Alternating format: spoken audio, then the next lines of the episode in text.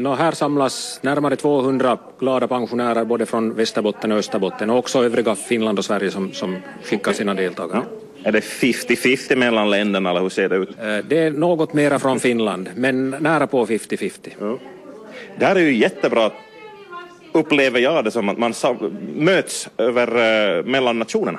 På många gånger. Absolut, ja. Det här är den andra gången som vi har Kvarkens pensionärsparlament. Det var första gången i fjol i Lycksele i Sverige. Så det här är andra gången som vi träffas.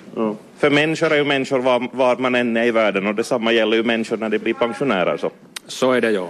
Snarlika äh, äh, intressen har man. Hör du, lite kort om programmet för när jag vänder mig till en av föredragshållarna här. Vad, vad ska ni avhandla under den här två dagars sessionen? Nå, temat för det här parlamentet i år så att, att, att åldras tryggt och vi kommer att, att äh, sikta in oss på att äh, valfriheten i vården, kvaliteten i vården och sen också lite, lite med de här äh, intressebevakningsfullmakterna och, och testamenten och sådana här saker kommer vi att. Men vi kommer också att ha, ha presentation av olika pensionärsföreningar och sen så kommer vi också ha, ha, ha trevligt tillsammans. Ja. Och en av de som ska uh, tala här, så det är vår tidigare statsminister Esko Aho. Hur får man honom bokad upp så här? Det stämmer ju. Han kommer hit och talar, talar idag klockan 15.30 och han kommer att tala om valfrihet i vården och det, det, det är någonting som han behärskar. Ja. 15.30 så han dyker väl upp lite senare. En som redan finns här, Susanne Rolfner Suvanto. God förmiddag på dig. God förmiddag själv. En, en av den svenska falangen kan man säga. Ja, det får man då säga, men om man lyssnar på efternamnet så med rötter i Finland och, med, och är en mångbesökare i Finland. Okej, men välkommen hem igen. Tack ska du ha. Hör du, ja, kvalitet i äldreomsorgen, det är ditt tema den här gången och det är du expert på.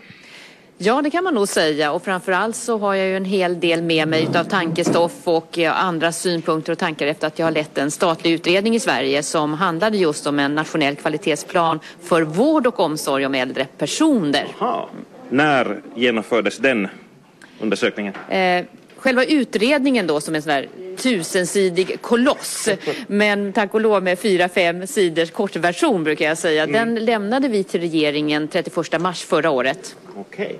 Och vad, vad ska det göra med den eller vad har det gjort redan?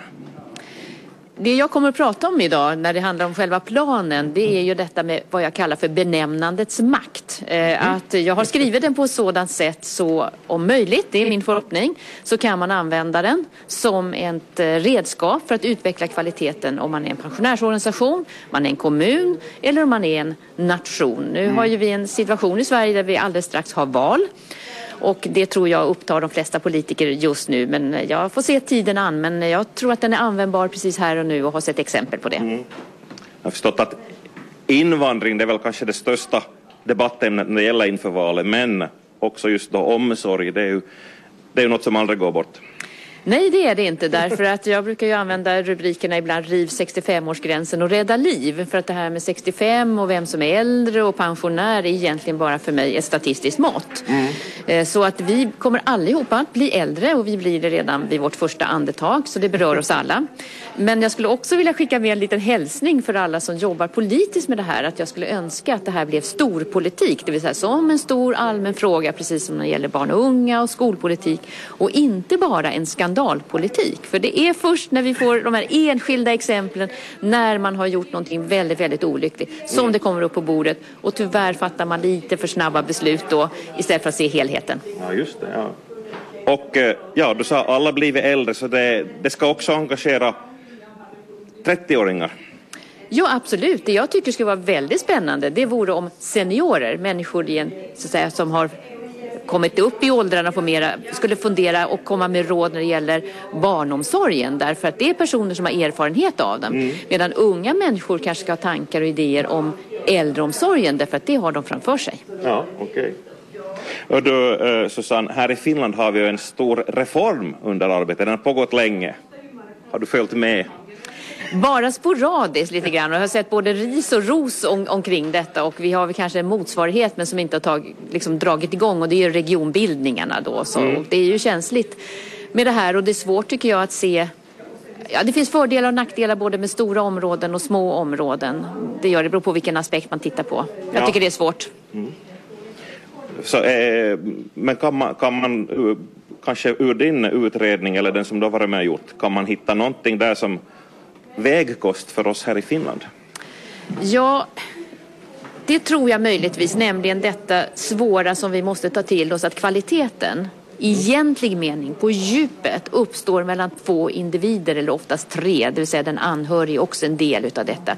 Det är ju där den egentliga kvaliteten sker. Sen kan vi på en nationell nivå eller på strukturell nivå Eh, ge stöd för den på olika sätt. Vi kan ibland behöva ha övergripande lösningar därför att det är få personer som har vissa behov. Men kvaliteten som sådan givs alltid i det e-, faktiska ögonblicket mellan två individer. Och det är en enorm utmaning. Mm. Och det skriver jag mycket om. Mm. Bra. Jag eh, eh pratade här lite före vi kom i, i sändning så konstaterar jag, eller jag sa att det finns ju också såna ideologiska tankar bakom det här och, och, det är ju mycket politik i det här reformarbetet här i Finland, vad man anser att vad ska det offentliga sköta, vad ska det privata sköta, men det ta, har du inte sett på eller tagit ställning till i alla fall? Nej, det har jag inte. Just därför att det är en väldigt stark politisk fråga, en partipolitisk fråga. Och därför skriver jag ganska mycket om att vissa centrala delar som handlar om vård och omsorg om äldre personer, det vill säga hur vi ska ha det tillsammans i samhället, är en mycket större och bredare fråga än vad en enskild utredning egentligen ska ta hand om. Mm. Därför adresserar vi sådana frågor. Vad ska äldreomsorgen vara? Vad ska den innebära för äldre personer? Hur ska vi se på den? Och det måste, tycker jag, vara mer en parlamentarisk utredning. Så att vi lämnar den därhän på, på det sättet. Eh, långsiktigt vill ju alla att det ska vara. Mm. Eh, och kanske lite busigt så ställde jag mig frågan hur långt är långsiktigt?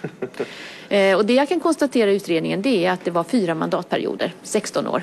Jaha. Och det är det många som reagerar och säger, men hur går det då? För att valen måste ju få det genomslag som de ska ha. Det är en demokratisk liksom, process och en rättighet vi ska värna. Mm.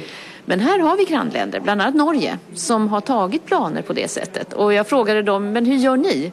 Och deras svar var helt enkelt det, ja vi brukar göra så. Eh, och jag skulle säga att de allra flesta frågor som rör kvaliteten i vård och omsorg med äldre personer är inte partiskiljande på något sätt. Eh, utan jag tror inget eh, parti skulle säga att vi ska inte ha långsiktig finansiering av kvalitetsregister. Vi ska inte ha bra webbutbildningar om fallrisk och så vidare. Och vågar man se det så tror jag att man kan ta de långsiktiga planerna och sen kan man få sätta sin färg på dem. Om det nu är privatiseringar eller om det är jämlikhet och jämställdhetsfrågor som man kan se som centrala. Och jag ser ju exempel i Sverige från kommuner där man gemensamt politiskt nu har tagit kvalitetsplaner som sträcker sig till 2026. Så okay. det går att göra det. Ja, just. Om jag tänker så att om, om man då under en mandatperiod ror åt väst och sen blir det nyval och regimskifte så ror man åt öst så då är man ju tillbaka vid utgångspunkten.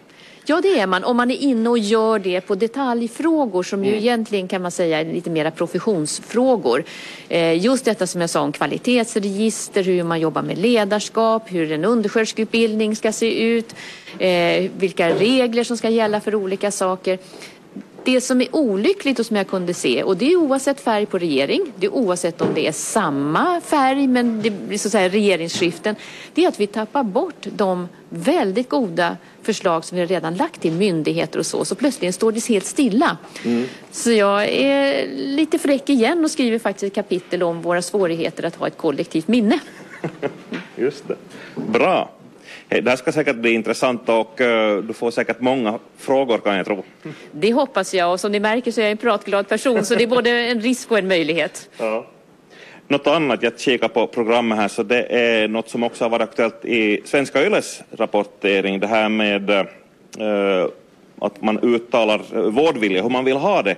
Vårdtestamente, livstestamente, det är också på tapeten så att säga. Patrik? Ja, vi har en föreläsare som kommer från Vasa centralsjukhus, Heidi Bengts, som är, som är lite expert på det här och hon kommer att föreläsa om det här också, hur man kan lägga upp ett, ett vårdtestamente. Mm. Är det något som det talas om i Sverige också? Är det en självklarhet att man har sånt? Det har inte talats särskilt mycket omkring det i Sverige idag och jag är lite osäker på hur det ser ut men juridiskt tror jag inte att vi har kommit till skott där att det skulle kunna vara giltigt. Däremot så använder vi det i en, i en vård och omsorgssituation. Eh, den fråga som har varit uppe och som jag vet att Finland har tagit ställning till det är ju sånt som aktiv dödshjälp. Mm. Det är ju lite mer kan man säga drastiskt. Men den debatten är väldigt högaktuellt i Sverige i, idag. Och eh, det jag tycker ibland också lite olyckligt för hur vi också framställer vård och omsorg och att det kan ligga till grund av att man tycker att det här borde införas. Men om jag ska ha en personlig uppfattning här så är jag väldigt glad till det ställningstagande som Finland har tagit, nämligen att säga nej till det. Ja, pratas om ättestupa och så vidare också. Ja, och det där med ättestupa, återigen att jag är intresserad både av, av, fakta och data och ord så brukar jag ställa frågan retoriskt säga det. Ni vet väl allihopa att vi har haft en ättestupa och då brukar mm. alla säga ja och så kan jag tala om att den har aldrig funnits. Mm. Men den är bra att lyfta fram som ett slagträ. Ja, absolut. Och jag ska inte alls vara förmäten men jag är en stor fantast utav Hans Rosling. Jag träffade honom också en gång, det var i fjol. Intressant person. Ja, mycket och som ju jag kommer att använda ett citat från honom idag, nämligen att trots allt elände i världen så är världen bättre och förbättras. Mm. Och idag, äh, idag, de här två dagarna kanske världen kan göras lite bättre. Vi ska runda av småningom här, men Patrik Ragnäs, jag måste fråga att det är ju strålande vackert väder här i, i Österbotten och ni, ni ska väl inte bara sitta här inne under de här två dagarna och vända papper och höra på tal? Nej, faktiskt inte. Vi har, vi har, som sagt, vi har haft tur med vädret och det ingår i planerna förstås det här vädret och, och, och imorgon på eftermiddagen så kommer vi att, att göra en, en runda till Parkens världsarv mm. på eftermiddagen och, och, och lite till Saltkare och sådana saker. Mycket trevligt. Och det var alltså det andra sådana här parlamentet, är nästa redan inplanerat? Nästa är redan inplanerat och det kommer att naturligtvis vara på den svenska sidan och vi, vi håller på att diskutera ämne, ämne för nästa, för, mm. för kommande parlament. Ja. Är det om ett år då? Eller? Det är ungefär om ett år, ja, den här tiden på året. Ja. Okay. Fint, men ni ska ha det så bra de här två dagarna. Tack båda två. Tack, tack. tack.